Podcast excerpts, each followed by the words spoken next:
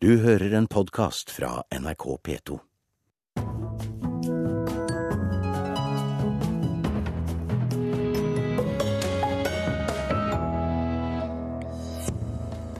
Det er ingen overraskelse at Konkurransetilsynet slår til mot norske forlag. Det sier forlegger Erling Kagge.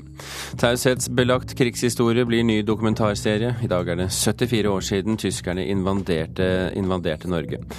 Og i dag freder også riksantikvaren Oscarsborg festning, åstedet så å si, for senkingen av Blücher.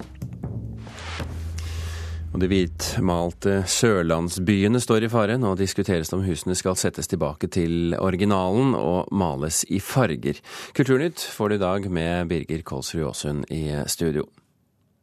Forlegger Erling Kagge er ikke overrasket over at Konkurransetilsynet i går slo til mot flere forlag.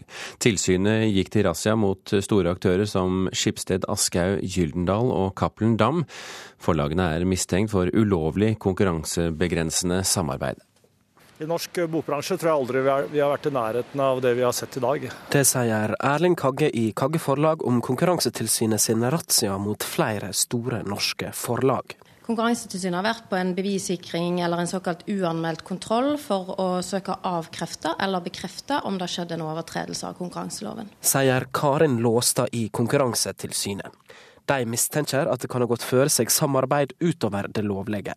Felles for forlagene som ble kontrollerte, er at de står som eiere av Bladsentralen. Dette selskapet distribuerer bøker til over 6000 supermarkeder, kiosker og bensinstasjoner over hele landet. Eh, og Det saken mer konkret gjelder, er mulig leveringsnektelse i markedet for distribusjon av bøker til det såkalte massemarkedet. og Dvs. Si dagligvareforretninger og kiosker. Vi er ikke noe overrasket over at konkurransemyndighetene slår til mot uh Bladsentralens eiere. Sier Erling Kagge. Fordi de har i flere år eh, kjempet med nebb og klør for at eh, adgangen for eh, andre forlag skal være svært begrenset gjennom de tusenvis av de salgskanalene de kontrollerer. Og Det er jo, det er jo problematisk, selvfølgelig for alle oss andre, men først og fremst for det norske bokkjøpende publikummet. Det får stå for Erling Kagges regning.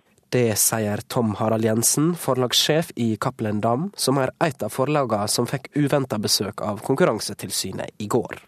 Faktum er jo at eh, det er ingen som har bidratt mer til god infrastruktur for den gode boka i Norge enn Cappelen Dam, Aschehoug og Gyldendal. Han peker på at det finnes andre alternativ til distribusjon enn Bladsentralen. De avtaler man inngår, de er ikke på noen måte eksklusive. Det er også andre måter å distribuere bøker gjennom dagligvarehandel i Norge enn gjennom Bladsentralen. Men trass i dette mener Erling Kagge at nålauget er svært trangt for mindre forlag som vil selge bøker andre steder enn i bokhandelen. Så vi får solgt bøker eh, en gang iblant, eh, men dessverre altfor sjeldent, og det er altfor komplisert for andre forlag å få solgt bøker der. Ja, det sa altså Erling Kagge til reporter Lars Ivar Nordahl. I dag er det folkemøte i Hole kommune om minnestedet etter massakren på Utøya 22.07.2011. Den siste tiden har det kommet frem sterke protester mot både valg av plassering av minnested og valg av konkurransevinner. I forrige uke hadde kommunalminister Jan Tore Sanner et dialogmøte med flere av de berørte, og i går hadde kulturminister Toril Vidvei dialogmøte med andre av de engasjerte i saken, bl.a. den nasjonale støttegruppen. Det var en diskusjon rundt sakens realiteter og den debatten som har vært. og jeg tror det er viktig at vi holder fast på det sporet som vi har synliggjort hele tida, det demokratiske sporet. Nå skal det fremmes en reguleringsplan. Det må gås de vanlige prosesser som, som, må gjøres i en kommune for at ting skal bli vedtatt og ting skal settes i gang. Og Det tror jeg er et fornuftig spor å holde på. Sier Trond Blattmann, leder for den nasjonale støttegruppa etter 22.07. I går var han i møte med de to statsrådene sammen med AUF, Statsbygg, KORO, altså kunst i det offentlige rom, og Hole kommune, som var representert med ordfører Per Berger fra Høyre. Jeg synes det var et veldig flott møte, eh, hvor alle aktørene i forbindelse med minnestedet eh, og arbeidet med det eh, har vært til stede. Og jeg syns at dette var en fin måte å få drøfta ting som sikkert kommer opp i morgen på Sundvolden. Det er jo der på en måte eh, de viktigste momentene vil komme på plass. Så jeg håper at dette, dette går det an å komme videre i forhold til. Og de ordfører Berger har tillit til, er partikollegaene kulturminister Vidvei og kommunalminister Sanner. Vi er først og fremst opptatt av å få frem alle synspunktene. Og så er vi opptatt av at det skal være en verdig og god prosess frem til minnestedet er, er etablert. Eh, og det er grunnen til at vi har invitert eh, både pårørende, beboere og nå støttegruppen AUF og Hole, Hole kommune. Men det er viktig for oss å slå fast at vi skal ha et minnested. Og eh, det er gjort et stykke arbeid i forhold til dette, og så får vi lytte til de eh, rådene som nå kommer. Sa Jan Tore Sanner og Toril Vidvei til oss i går. Men trass i kritikken, det er ikke aktuelt å velge en ny stad eller en ny vinner av Minnestad-konkurransen. Det er ikke noe diskusjonstema nå. Og Koro kommer altså sammen med Statsbygg til Sundvolden hotell i dag for å legge saka fram for folket. Og Nasjonal støttegruppe har håp om at det kommer gode ting ut av det. Folk kan få si sin mening, det syns jeg er veldig flott. Der skal eh, Nasjonal støttegruppe være til stede, der skal Koro være til stede. Og i så måte så vil vi jo få en temperaturmåling på hvordan saken ser ut. Og temperaturmålingen Trond Blattmann i den nasjonale støttegruppen til 22.07 her snakket om, det er altså et åpent informasjons- og dialogmøte om minnested på Sørbråten, og det starter klokken 18 på Sundvolden hotell i dag. Reporter her, det var Espen Alnes.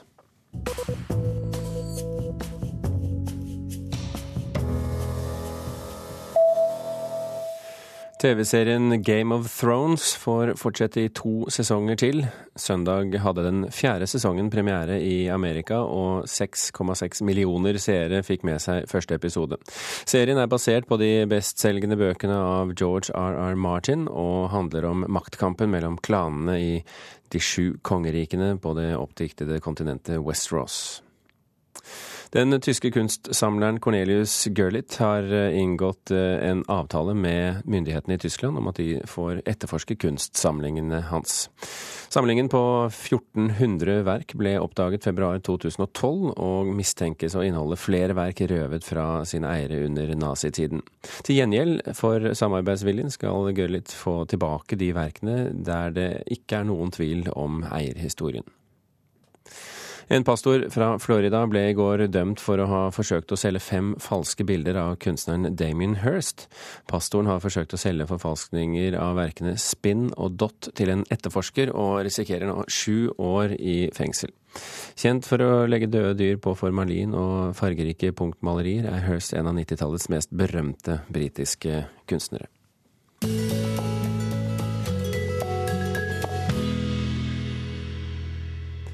Dokumentarserien Alliert og alene baserer seg på dybdeintervjuer med krigsveteraner og avslører hemmelighold informasjon om felttoget i Norge i 1940.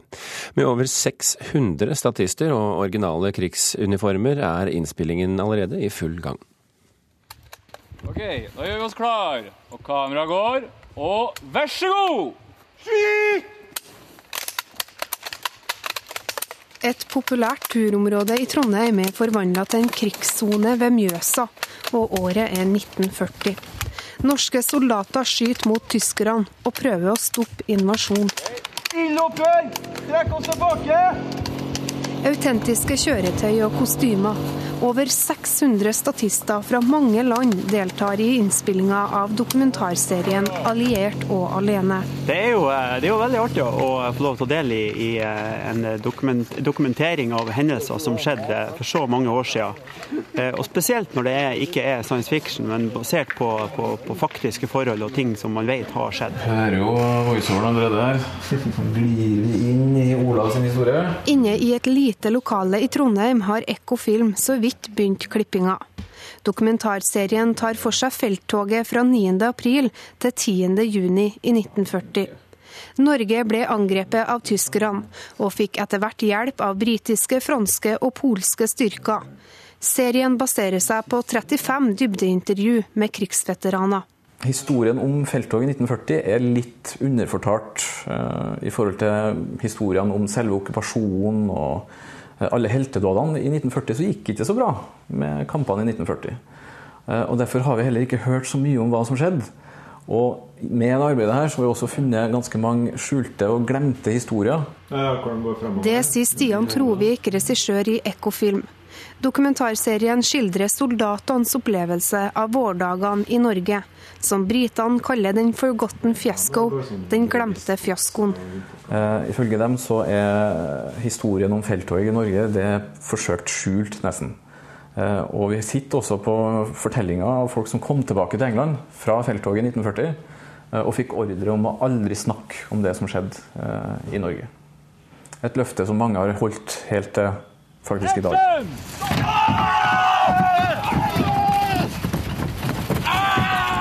Idylliske Korsvika er scene for landgangen i Narvik, når franske fremmedlegionærer er på vei til å ta tilbake Narvik fra tyskerne. Dokumentarserien vil vise fram flere sider av krigshistorien, sier Trovik. Det er noen nyanser her som har blitt bort underveis, tror jeg, for veldig mange. For vi, vi er jo glad i heltehistoriene. Vi er glad i å høre om historiene der det ender godt. Eh, Men i et nederlag så er det også store helter eh, som eh, gjorde alt de kunne for landet sitt. Eh, Og i ettertid så blir de nesten glemt. Og det håper jeg at vi får retta litt på. We're ready? Camera rolling! Action! I dag er det 74 år siden Norge ble okkupert av tyskerne. Neste år skal serien gå på NRK og svensk TV. Regissøren håper historiebøkene blir mer nyansert. For å si det sånn, Jeg håper og tror at eh, serien er med og i hvert fall skrive noen nye kapittel til eh, historiebøkene. Sånn at vi får kasta lys over flere ting eh, enn det vi kjenner og lærer om på skolebenken når vi er unge. Jeg tror det er mange unike historier som kommer til å komme fram. And cut! Thank you! It's pizza time! Ja, det er pizzatid, det sa regissør Stian Trovik i Ekofilm. Reporter her, det var eh, Kaja Kristin Næss. Ja, det er altså 74 år nøyaktig i dag, 9. april, eh, siden Blücher ble senket med to torpedoer under vannlinjen midt i Drøbaksundet sør for Oslo. Og nå fredes også Oscarsborg festning. Fredningen er en del av grunnlovsjubileet. Og Jørn Holme, riksantikvar, velkommen til Kulturnytt. Tusen takk.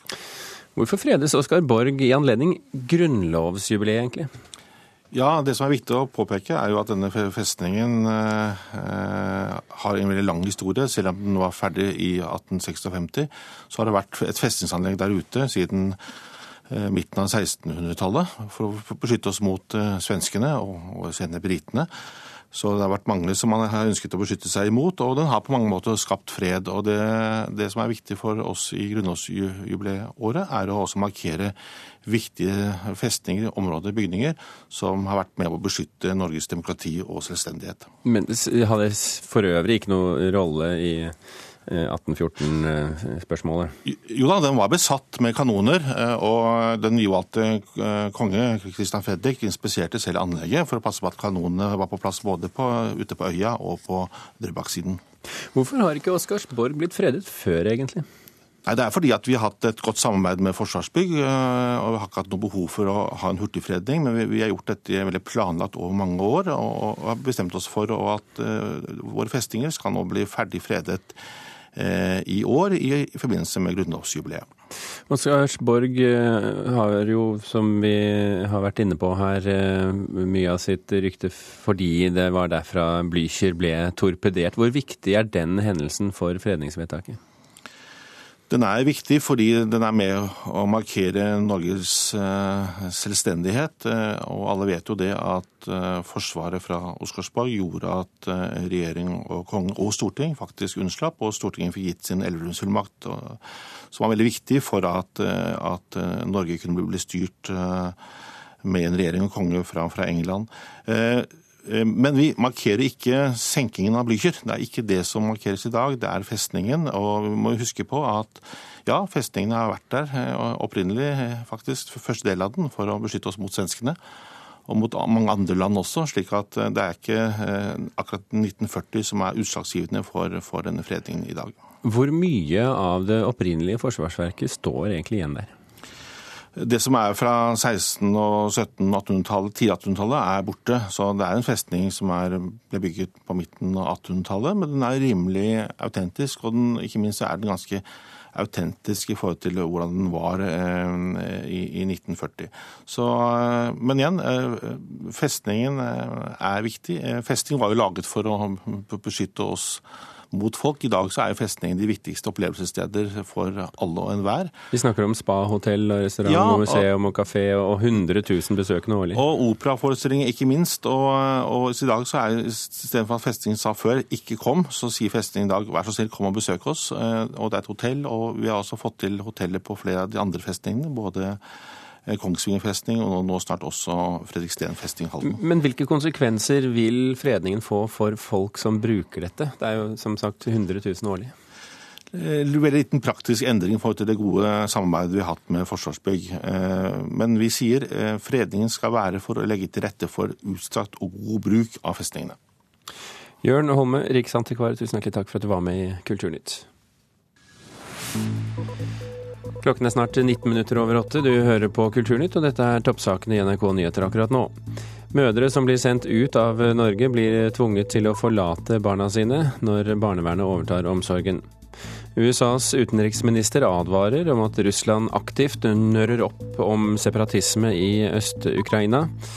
Og regjeringen vil gjøre det enklere for voldsofre å møte gjerningspersonene. Et slikt møte kan oppleves som et nytt overgrep, mener Foreningen for voldsofre. Det såkalte datalagringsdirektivet ble altså underkjent av EU-domstolen i går. Datalagringsdirektivet påbyr bl.a. myndighetene å lagre informasjon om hvem folk har kontakt med på telefon og e-post, samt når og hvor man har hatt det. En som nå er glad for at datalagringsdirektivet er kjent ugyldig, det er Arne Jensen i Norsk redaktørforening. Ja, Direktivet innebærer et svært omfattende og særlig alvorlig inngrep i den grunnleggende retten til respekt for privatliv og til beskyttelse av personopplysninger. Det tror jeg at jeg er helt enig med EU-domstolen i. Arne Jensen, generalsekretær i Norsk redaktørforening, sitter og leser dommen som kom i går, der EU-domstolen erklærer datalagringsdirektivet for ugyldig. Nei, Vi syns dette er veldig positivt, fordi vi har hele tiden ment at eh, EUs datalagringsdirektiv er svært problematisk. Eh, Fordi det innebærer en massiv innsamling av eh, informasjon om eh, borgerne og deres telekommunikasjon, e-poster, telefoner og annen kontakt. Og at det vil kunne ha en, en negativ effekt på muligheten for å få kilder som ønsker å være beskyttet, til å ta kontakt med mediene. Norsk redaktørforening har, sammen med Norsk Journalistlag og Norsk Presseforbund, vært kritisk til innføringen av datalagringsdirektivet, som etter planen skal innføres neste år, etter det har blitt utsatt fire ganger. Nå er det kanskje eh, på tide at eh, den sittende regjeringen og, Stortinget en, setter en fot i bakken og tenker seg om.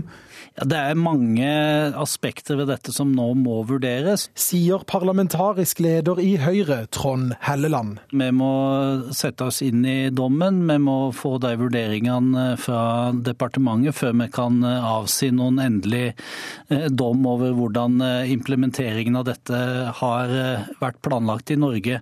Direktivet ble drevet gjennom i Stortinget med Høyres og Arbeiderpartiets stemmer. Alle de andre partiene i forrige stortingsperiode var imot. Det som har vært et hovedformål med, med å vedta denne type lovgivning, er jo å hindre og forhindre grov kriminalitet, terrorisme, organisert kriminalitet som går på tvers av landegrensene. Det formålet er vel alle enige om at vi fortsatt må bekjempe. Så er spørsmålet om virkemidler som er tatt i bruk, er det riktige? Det er jo det en må vurdere sett i lys av EU-dommen. Ja, det sa parlamentarisk leder i Høyre Trond Helleland til reporter Christian Ingebretsen. Det sørlandske kjennetegnet, de hvitmalte husene, kan forsvinne. Nå går nemlig debatten i flere sørlandsbyer om man skal ta tilbake de opprinnelige fargene på husene. I Arendal kan et av byens eldste hus nå bli malt svart. Jeg husker det ble eh, spetakkel den gangen de malte to hus uh, lyse røde. Men uh, etter hvert uh, så ble de vant til det, det ble grønt. Jeg syns det er spennende. Det er veldig fint at de gjør det. Jeg, jeg kan ikke tenke meg det sort engang. Det er greit sånn som den er. Hvit, ja. Jeg syns det. Det er helt hull i huet. Og jeg syns det skjemmer ut hele greia. Hvilke farger ville du helst hatt? Hvitt. Nei, det er bare sånn de fleste sørlandsbyer. Det skal være hvitt. Skal se. På gata i Arendal er folk delte i synet på forslaget om å endre fargen på et av byens eldste hus fra hvitt til svart. Ja, Det blir jo kleint til resten av byen, da. Ja, hvorfor det? Resten av byen er jo hvit. Den gamle tollboden ligger ved vannkanten i den historiske bydelen Tyholmen, og er godt synlig i bybildet i Arendal. For tida gjennomgår den over 300 år gamle freda trebygningen en omfattende restaurering. Og i den anledning har noen foreslått å male huset i den opprinnelige fargen, som altså var svart. Ja, nei, altså sorte det var jo den opprinnelige fargen. Og vi syns jo det er en veldig spennende mulighet for å komme tilbake til den svarte fargen, den gamle fargen, og så se hvordan det fungerer. Sier Øyvind Rosenvinge i Fortidsminneforeninga i Aust-Agder. Og det virker som at folk kanskje er moden for å prøve en sånn forandring. Altså Hadde dette her vært for 20-30 år siden, når slaget om Tyholmen raste og restaureringen var på det høyeste, så, så hadde det vært utenkelig å male svart. Men i våre dager så tror jeg folk kanskje tenker litt annerledes enn det de gjorde den gangen. Else Sprossa Rønnevig har i 30 år arbeida for å bevare bygg slik de opprinnelig var, og har skrevet flere bøker om norsk kulturarv. Hun ser klart at flere ønsker å male de gamle sørlandshusene sine i en annen farge enn hvit. Ja, det er helt tydelig, og det er ikke bare i én av byene, det er liksom over hele linja. Og identiteten knytter seg veldig til de hvite husene.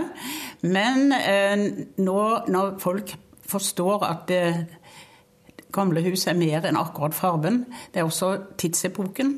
Rønnevig tror vi vil få se mer fargerike sørlandsbyer om 20-30 år til. Enkelthus og områder i en by vil nok få farge ganske raskt. Men den store og hele eh, planen å få fargene tilbake, det vil eh, ta litt tid. Og så er farver spennende. De har jo ikke vært hvite i mer enn 100 år. Eh, tidligere så var det farver, og eh, jeg ser jo for meg at når vi har vinter her nede, og den snøen blir litt våt fort og skitten, og så har vi noen hus som heller ikke er helt rene, så er alt så grått og trist.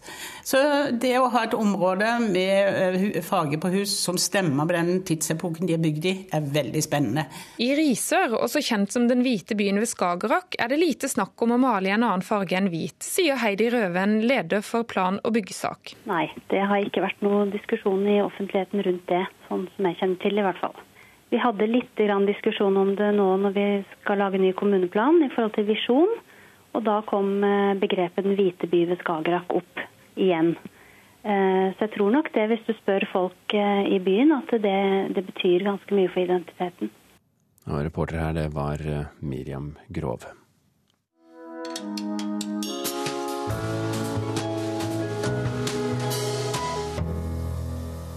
Forfatteren Mette Karlsvik skriver i sin siste bok 'Vekstvilkår' om hagebruk, spirekasser, frøsorter, klostervirksomhet og bokbinding. Helt konkret. Men egentlig skriver hun om de ideelle vekstvilkår vi mennesker trenger for å skape noe sammen.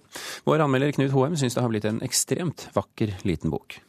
I 2013 befant Mette Karlsvik seg i et atelier i en gammel spritfabrikk på Klosterøya i Skien, utstyrt med et ettårig kunstnerstipend.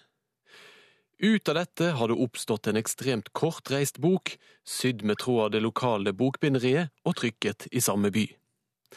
Tittelen Vekstvilkår er å forstå helt konkret som de vekstvilkårene som må til for at planter skal klare seg gjennom den skjøre forkultiveringsfasen til vi planter dem ut og de forhåpentligvis overlever lus og frostnetter. Forfatteren er en del av et av Oslos urbane hageselskaper, og i en del av boken intervjuer Karlsvik noen av dem som forteller hvorfor de ønsker å drive med økologisk landbruk i byen. Denne urban gardening-bevegelsen knytter hun så til nonneklostrene i Skien og på Hovedøya, som jo også drev med tilsvarende økologisk jordbruk i sin tid. Midt i alle utlegningene om spirekasser og frøsorter legger så Karlsvik inn et annet, mellommenneskelig lag i teksten. Dette handler om hvilke vekstvilkår som er ideelle for mennesker som ønsker å skape noe sammen. Med utgangspunkt i virksomheten i hagelaget ser hun på hva det er som skal til for at et kollektiv fungerer sammen. Bare når de sammen syng, blir sangen mektig, skriver Karlsvik, uten at det føles så svulstig, egentlig. Til det har teksten ellers for mye jord under neglene. Klostervesenet er skildret fra dets lyseste side. Her er det lite av den mørke middelalderen vi møtte i Rosens navn av Umberto Eco. Men kanskje er det nettopp klosteret som et produserende kollektiv som er mest interessant for oss nå. Karlsvik har tidligere skrevet om Island under finanskrisen under tittelen Post Oske, altså etter den finansielle askeskyen la seg over øya. På mange måter er denne reisen inn i nonneklosterets produksjonsmåte den naturlige fortsettelsen til dette, et lite økosystem av grønnsakstyrking og kunstproduksjon, nå når spritfabrikkene er lagt ned. Jeg kom til å tenke på de arbeidsløse ungdommene som nå har begynt å dyrke forfedrenes jord i den greske øyverden. Det var for øvrig i klostrene bokbindingen startet i dette landet.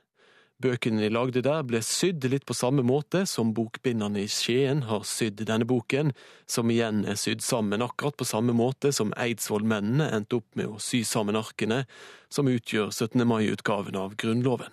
Vekstvilkår er en bok som kommuniserer sitt meningsinnhold like mye som gjenstand, som i det som står med litt for små skrifttyper på boksidene.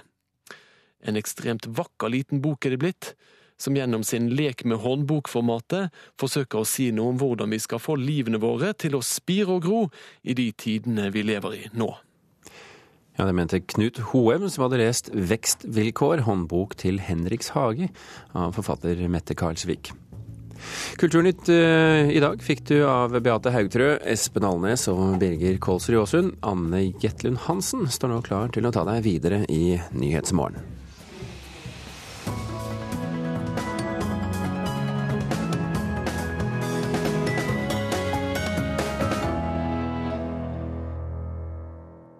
Du har hørt en podkast fra NRK P2.